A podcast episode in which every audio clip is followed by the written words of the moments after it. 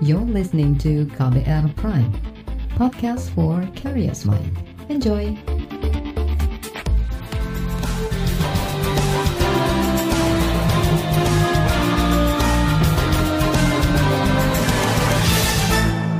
Halo selamat sore saudara, apa kabar Anda sore hari ini? Kembali saya Reski Mesanto hadir di KBR Sore. Hari ini tanggal 28 Juni 2022 dan selama kurang lebih 30 menit ke depan saya mau ajak Anda untuk membahas suasana peringatan Hari Anti Penyiksaan Sedunia yang diperingati setiap 26 Juni.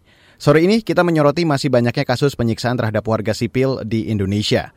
Dalam kurun waktu setahun terakhir terjadi 50-an kasus penyiksaan yang menyebabkan korban tewas dan luka. Aktor utama penyiksaan adalah aparat kepolisian, TNI, dan aparat sipil. Ini menimbulkan pertanyaan sejauh mana komitmen negara menghapus praktik kekerasan atau penyiksaan dalam negeri. Lantas, apa saja upaya menghapus praktik kekerasan di Indonesia? Apa yang membuat praktik kekerasan itu terus berulang? Bersama saya Reski Mesanto kita bahas selengkapnya di KBR Sore. Saudara, praktik penyiksaan masih terus terjadi di Indonesia. Catatan LSM HAM Kontras menyebut terjadi 50 kasus penyiksaan setahun terakhir. Penyiksaan dilakukan oleh aparat negara seperti polisi, TNI, dan aparat sipil. Dari jumlah penyiksaan itu, setidaknya ada 120-an orang luka dan 18 tewas karena penyiksaan dan kekerasan oleh aparat. Sejumlah lembaga lain termasuk Lembaga Perlindungan Saksi dan Korban atau LPSK juga mencatat terjadinya praktik penyiksaan di tanah air. Berikut pernyataan Wakil Ketua LPSK, Manager Nasution dalam peringatan Hari Anti Penyiksaan Sedunia pekan lalu. Pertanyaannya tadi, apakah ada penyiksaan di Indonesia? Ada. Datanya misalnya di tahun 2020 yang menjadi terlindungnya LPSK itu 13 kasus begitu 2021 naik menjadi 28 walaupun tahun ini sampai Mei itu 12 meskipun datanya ini kita mengenal belasan atau puluhan tapi kita meyakini seperti yang disampaikan oleh Bang Amir penyiksaan ini seperti gejala gunung es. Kenapa? Karena dalam banyak hal tidak semua masyarakat kita yang mengalami itu atau yang melihat itu itu kemudian punya keberanian untuk melapor. Wakil Ketua LPSK, Manager Nasution juga mengatakan praktik penyiksaan paling banyak terjadi saat penangkapan dan penyelidikan oleh aparat. Juga ingin perlu kita sampaikan, tahapan penyiksaan yang kita analisis yang masuk ke LPSK itu memang yang tertinggi itu pada tahapan ketika ada penangkapan. Jadi memang itu data yang tertinggi ya. Yang kedua, itu ketika ada penyelidikan. Di pada tahap penyelidikan itu juga lalu yang ketiga justru di luar proses hukum. Nah, ini juga mengejutkan kita baru dalam masa tahanan. Ini sebetulnya tahapan yang kita temukan eh, peristiwa penyiksaan yang terjadi di Indonesia berdasarkan data LPSK. Lalu yang keempat, ini siapa aktornya? Aktor atau pelaku dari kekerasan itu, apa penyiksaan itu, pertama memang pejabat atau penyelenggara negara. Kita punya data beberapa itu. Yang kedua aparatur dan yang ketiga itu pejabat publik. Pejabat publik itu yang menjadi aktor dari pelaku penyiksaan. Saudara itu tadi Wakil Ketua Lembaga Perlindungan Saksi dan Korban LPSK, Manager Nasution. Komisi Nasional Hak Asasi Manusia atau Komnas HAM juga mencatat masih banyaknya praktik penyiksaan di Indonesia. Wakil Ketua Komnas HAM Amiruddin Al-Rahab menegaskan, penyiksaan merupakan perbuatan melawan hukum dan melanggar hak asasi manusia. Hari ini dan telah terjadi selama 20 tahun lebih bahwa penyiksaan adalah perbuatan melawan hukum dan melanggar hak asasi manusia. Itu ketentuan hukum positif di Indonesia. Nah, kenyataan itu masih terjadi meskipun kita punya Undang-Undang Nomor 5 98 tentang penyiksaan ini. Inilah yang membuat kita semua menjadi prihatin. Nah, kami lima lembaga ini concern terhadap supaya apa? Jangan sampai terjadi lagi 20 tahun ke depan. Nah, oleh karena itu, kita sama-sama mendorong pemerintah meratifikasi option protokol untuk konvensi mencegah penyiksaan ini. Konvensinya sendiri sudah menjadi undang-undang. Dan ada undang-undang lain juga menekankan bahwa penyiksaan itu melanggar asasi manusia, yaitu Undang-Undang Nomor 39 Tahun 1999 tentang hak manusia dan juga Undang-Undang Nomor 12 Tahun 2005 tentang ratifikasi konvensi hak sipil dan politik bahwa penyiksaan bertentangan dengan nilai Amiruddin mengajak masyarakat dan lembaga negara bersama-sama mencegah terjadinya praktik pencegahan. Ia juga mendorong pemerintah secepatnya meratifikasi protokol konvensi dunia melawan penyiksaan. Saudara semua, hari ini berdasarkan data yang masuk ke Komnas HAM dan juga di media massa, penyiksaan itu ada dan terjadi. Bahkan bentuknya melampaui dari imajinasi akal sehat penyiksaan. Nah, maka dari itu kita membutuhkan mekanisme untuk apa? Untuk kita bisa bersama-sama, baik lembaga-lembaga hak manusia ini maupun instansi pemerintahan, kepolisian, uh, kejaksaan, uh, lapas, ya, bisa bersama-sama untuk mencegah ini, mencegah ini. Jadi urgensinya di situ. Kenapa? Bahwa penyiksaan itu sungguh terjadi urgent saat ini kita membutuhkan itu. Kalau ini enggak kita ratifikasi, kita akan seperti membiarkan peristiwa-peristiwa ini berulang. Saudara itu tadi Wakil Ketua Komnas HAM Amiruddin Al-Rahab. Selanjutnya di KBR Sore akan saya hadirkan laporan khas KBR mengenai upaya-upaya mencegah praktik penyiksaan. Selengkapnya sesaat lagi. You're listening to KBR Pride, podcast for curious mind. Enjoy!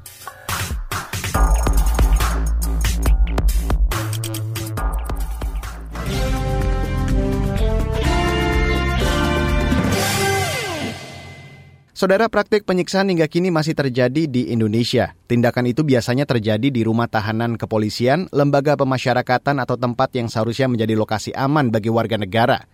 Para pelakunya masih didominasi aparat terutama polisi.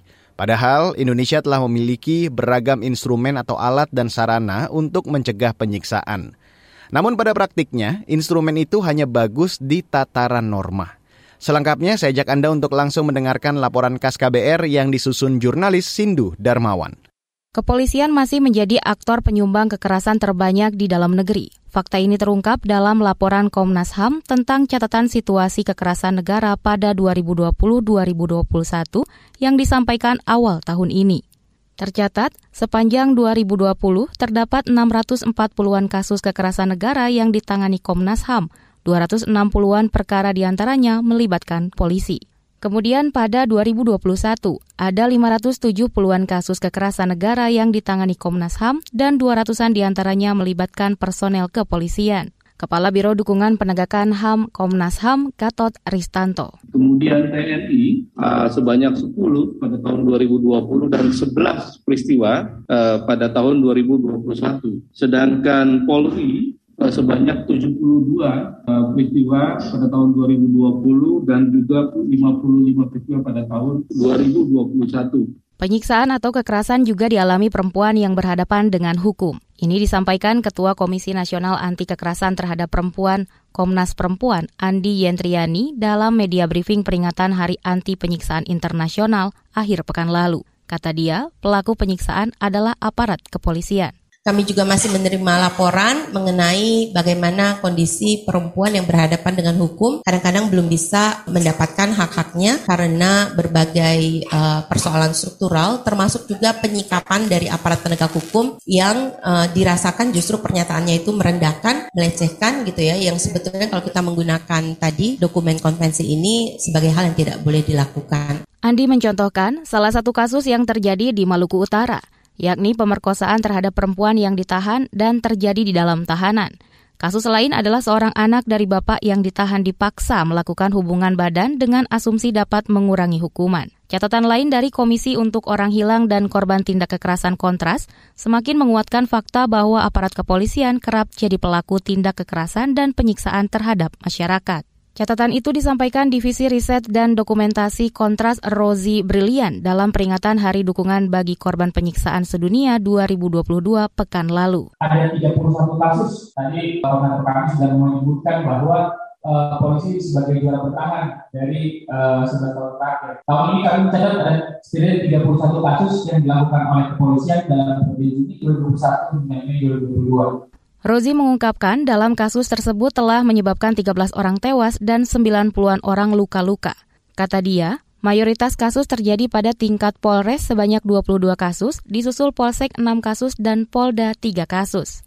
Menurutnya, tingginya kasus penyiksaan dan kekerasan Polres menunjukkan lemahnya pengawasan oleh Polda terhadap satuan di bawahnya. Padahal, instrumen atau saran untuk mencegah penyiksaan sudah banyak tertuang dalam norma hukum positif Indonesia. Antara lain dalam Undang-Undang tentang Hak Asasi Manusia, di internal kepolisian juga ada peraturan Kapolri atau Perkap tentang implementasi persiapan dan standar hak asasi manusia dalam penyelenggaraan tugas Polri. Selain itu, dalam beberapa kali kesempatan Kapolri Listio Sigit Prabowo telah memerintahkan anggotanya mematuhi aturan jika tidak ingin dicopot. Hal itu disampaikan Kapolri merespon maraknya pelanggaran yang dilakukan jajarannya di lapangan. Tolong tidak pakai lama, segera copot PTDH, yang kemudian proses pidana. Kapolres harus mampu menegur anggotanya yang di level Polsek. Demikian juga Kapolda harus melakukan, langkah tegas terhadap anggota-anggota di bawahnya. Kalau nggak mampu, saya ambil alih. Dan saya tidak mau ke depan masih terjadi hal, -hal seperti ini dan kita tidak mampu melakukan tindakan tegas. Kapolri Listio Sigit Prabowo menyebut tindakan pelanggaran yang dilakukan anggota bisa merusak marwah atau kehormatan institusi Polri. Pelanggaran itu juga merugikan anggota lain yang sudah bekerja keras menjaga citra kepolisian. Sigit menginstruksikan arahannya ditindaklanjuti dan disikapi serius dengan langkah-langkah konkret. Sementara itu, Komisi Nasional Hak Asasi Manusia Komnas HAM mendorong pemerintah membenahi regulasi untuk mencegah praktik penyiksaan. Ini disampaikan Ketua Komnas HAM Ahmad Taufan Damanik dalam sambutannya memperingati Hari Anti Penyiksaan. Menurut Taufan, pencegahan praktik penyiksaan merupakan amanat konstitusi yang harus dipatuhi pemerintah. Beberapa peraturan nasional menjadi modalitas bagi upaya penghapusan tindak penyiksaan di Indonesia. Namun demikian, diperlukan kesadaran semua pihak memahami pentingnya upaya penghapusan segala bentuk penyiksaan. Ketua Komnas HAM Ahmad Taufan Damanik mendorong pemerintah segera meratifikasi protokol operasional konvensi menentang penyiksaan atau OPCAT. Kata Taufan, ratifikasi itu penting untuk menjadi panduan pemerintah dalam membentuk mekanisme nasional mencegah penyiksaan.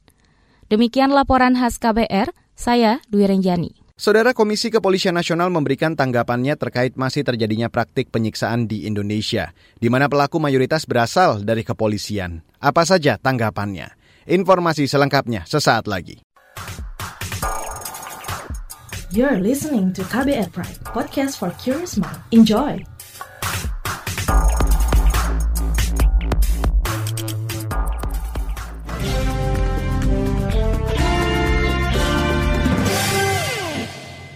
Saudara, Komisi Kepolisian Nasional atau Kompolnas menanggapi praktik penyiksaan yang masih terjadi di Indonesia. Ironisnya, sebagian besar pelaku berasal dari oknum kepolisian.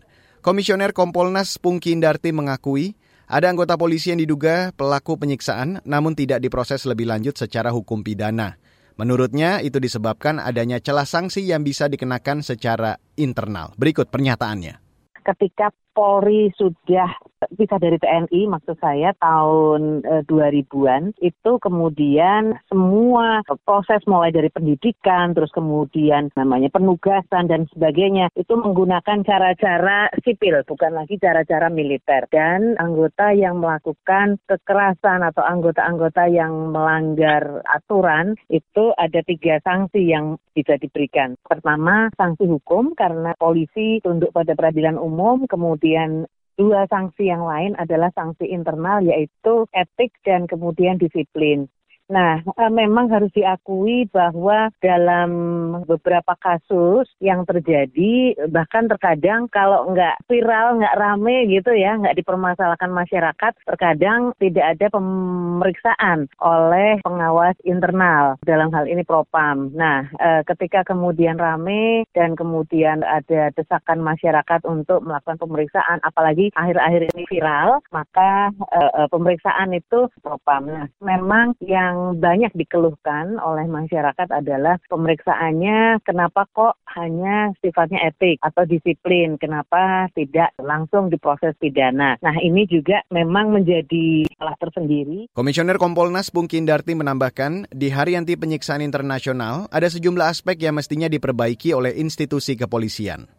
Nah, kalau saya melihatnya hal tersebut bagian dari pendidikan terkait hak asasi manusia yang masih kurang ya porsinya diberikan kepada anggota ketika sekolah. Jadi mulai dari akpol atau ketika level bintara misalnya SPN itu ya, eh, porsi untuk hak asasi manusia itu sedikit. Kebanyakan misalnya diberikan materi-materi yang membosankan itu pertama eh, SKS-nya sedikit sehingga nggak banyak juga diberikan praktek. Jadi ketika kemudian eh, setelah selesai sekolah kemudian penugasan ini yang lupa lupa gitu dengan apa yang dulu dipelajari. Nah, e, ketika penugasan yang bersangkutan juga melihat contoh-contoh misalnya yang dilakukan oleh pimpinan atau senior-seniornya yang lain. Nah, ini akan apa namanya mempengaruhi cara bertindak dari yang bersangkutan sehingga kekerasan-kekerasan tersebut e, kemudian menjadi praktek yang e, dilakukan. Nah, oleh karena itu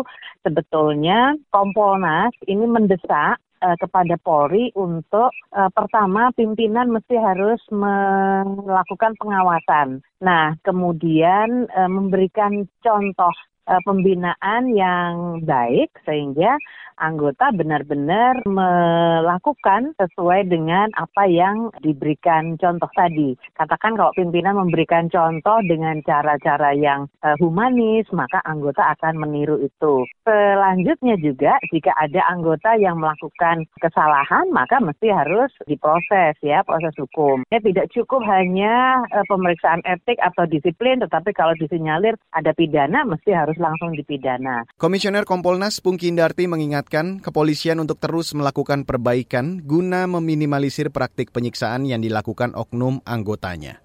Kalau saya melihat sudah ada perbaikan artinya di kota-kota besar misalnya dipasang CCTV.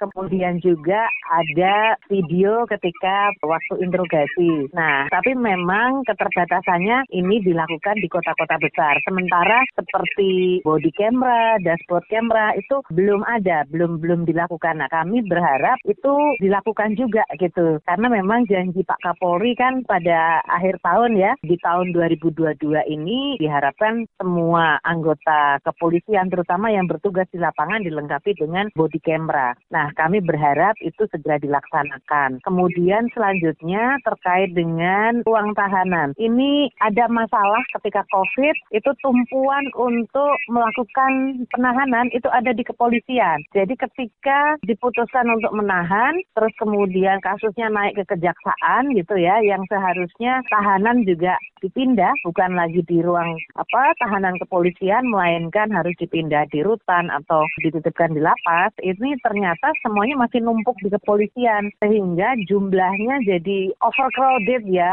over capacity ini juga rentan uh, memunculkan gesekan-gesekan antara sesama tahanan. Saudara itu tadi Komisioner Kompolnas Pungki Indarti. Sementara itu tim KBR telah menghubungi kepolisian untuk meminta tanggapan terkait anggotanya yang disebut sebagai penyumbang terbesar praktik kekerasan dan penyiksaan di tanah air. Namun hingga berita ini disiarkan belum ada tanggapan dari kepolisian terkait pemberitaan ini. Dari gedung parlemen, Komisi DPR yang membidangi hukum meminta pemerintah serius mencegah dan menangani kasus penyiksaan di Indonesia. Apa saja menjadi catatan Komisi Hukum DPR? Selengkapnya sesaat lagi. You're listening to KBR Pride, podcast for curious mind. Enjoy!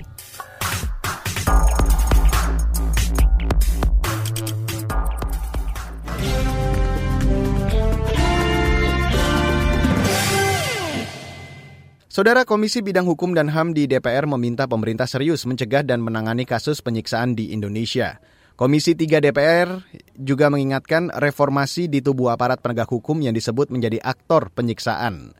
Selengkapnya saya ajak Anda untuk langsung mendengarkan perbincangan jurnalis KBR Astri Septiani bersama anggota Komisi Hukum dan HAM di DPR Taufik Basari mengenai catatan dari sejumlah lembaga seperti LPSK dan juga LSM Kontras mengenai masih adanya kasus penyiksaan. Dari LSM Kontras bahkan mencatat ada 50 kasus penyiksaan yang dilakukan oleh aparat negara terhadap warga selama setahun terakhir. Bagaimana pendapat dan juga catatan Komisi 3 yang membidangi masalah hukum dan HAM? Nah, jadi kita memang harus memperhatikan secara serius terhadap praktek penyiksaan yang masih terjadi di Indonesia, ya. Karena Indonesia telah meratifikasi Convention Against uh, Torture and Other Cruel, Inhuman, and Degrading Punishment or Treatment atau dikenal sebagai uh, Konvensi Menentang Penyiksaan melalui Undang-Undang Nomor 5 Tahun 98, di mana ketika kita sudah meratifikasi konvensi tersebut, kita punya kewajiban untuk memastikan bahwa tidak terjadi lagi praktek penyiksaan di Indonesia, termasuk juga kita harus melakukan langkah-langkah yang progresif untuk melakukan pencegahan dan memastikan apabila ada praktek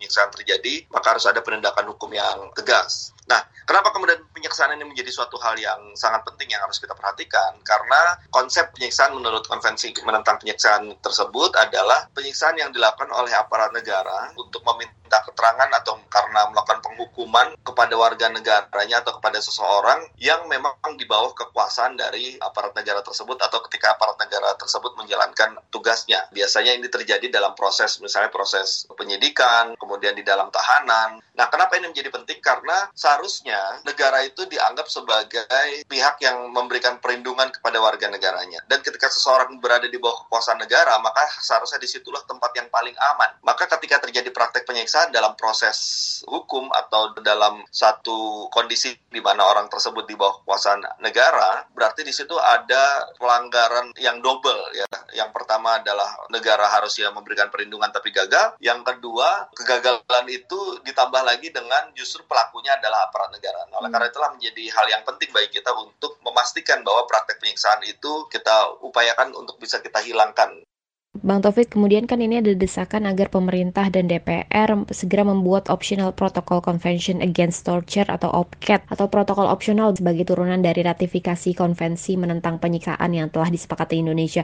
Bagaimana pendapat Anda terkait dorongan ini? Di dalam konvensi tentang penyiksaan itu memang tersedia turunan dari konvensi tersebut yaitu optional protokol untuk Convention Against Torture. Kita harapkan memang pemerintah bisa menindaklanjuti dengan melakukan ratifikasi juga terhadap OPCAT atau optional protokol tersebut. Di dalam optional protokol tersebut ada satu kewajiban bagi negara untuk melakukan satu pengawasan khusus terhadap praktek-praktek penyiksaan yang potensi terjadi di ruang tahanan atau di lembaga pemasyarakatan dan bisa melakukan satu pengawasan khusus terhadap apa yang terjadi di dalam ruang tahanan atau di lembaga pemasyarakatan. Oleh karena itulah maka bagi bagian dari upaya kita untuk melakukan reformasi terhadap eh, lembaga pemasyarakatan, ketika kita bisa untuk melakukan ratifikasi terhadap optional uh, protokol untuk Convention Against Torture ini, tentu akan sejalan dengan keinginan kita semua untuk melakukan reformasi terhadap lapas dalam hal kita mendorong reformasi lapas ini juga di dalamnya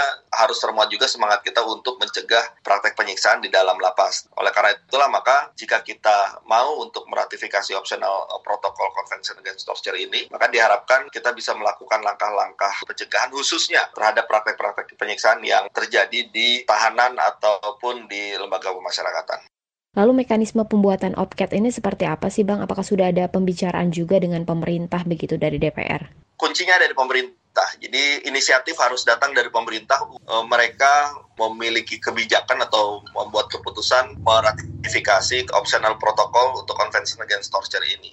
Jadi harus dari pemerintah yang mengajukan. Nah, nanti e, persetujuan akan datang dari e, DPR um, apabila pemerintah tidak mengajukan ini, ya sulit bagi DPR untuk berinisiatif karena tidak tidak bisa kita yang melakukan inisiatif itu. Meskipun DPR bisa mendorong dan mendesak pemerintah agar melakukan ratifikasi itu. Saya dan beberapa rekan-rekan ya saat ini juga sedang mendorong dan mengingatkan pemerintah agar bisa segera melakukan ratifikasi terhadap uh, optional protokol tersebut karena uh, sejalan dengan semangat kita semua untuk melakukan melakukan reformasi di lembaga pemasyarakatan. Tapi sejauh ini respon cukup positif dari pemerintah terkait dengan dorongan kita untuk kita bisa meratifikasi optional protokol untuk Convention Against Torture. Saudara itu tadi anggota komisi yang bidangi hukum dan HAM di DPR Taufik Basari.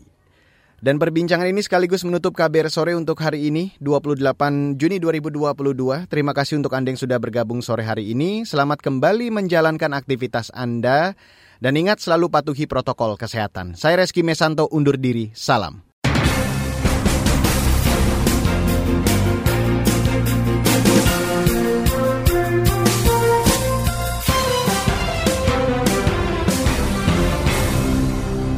KBR Prime, cara asik mendengar berita. KBR Prime, podcast for curious mind.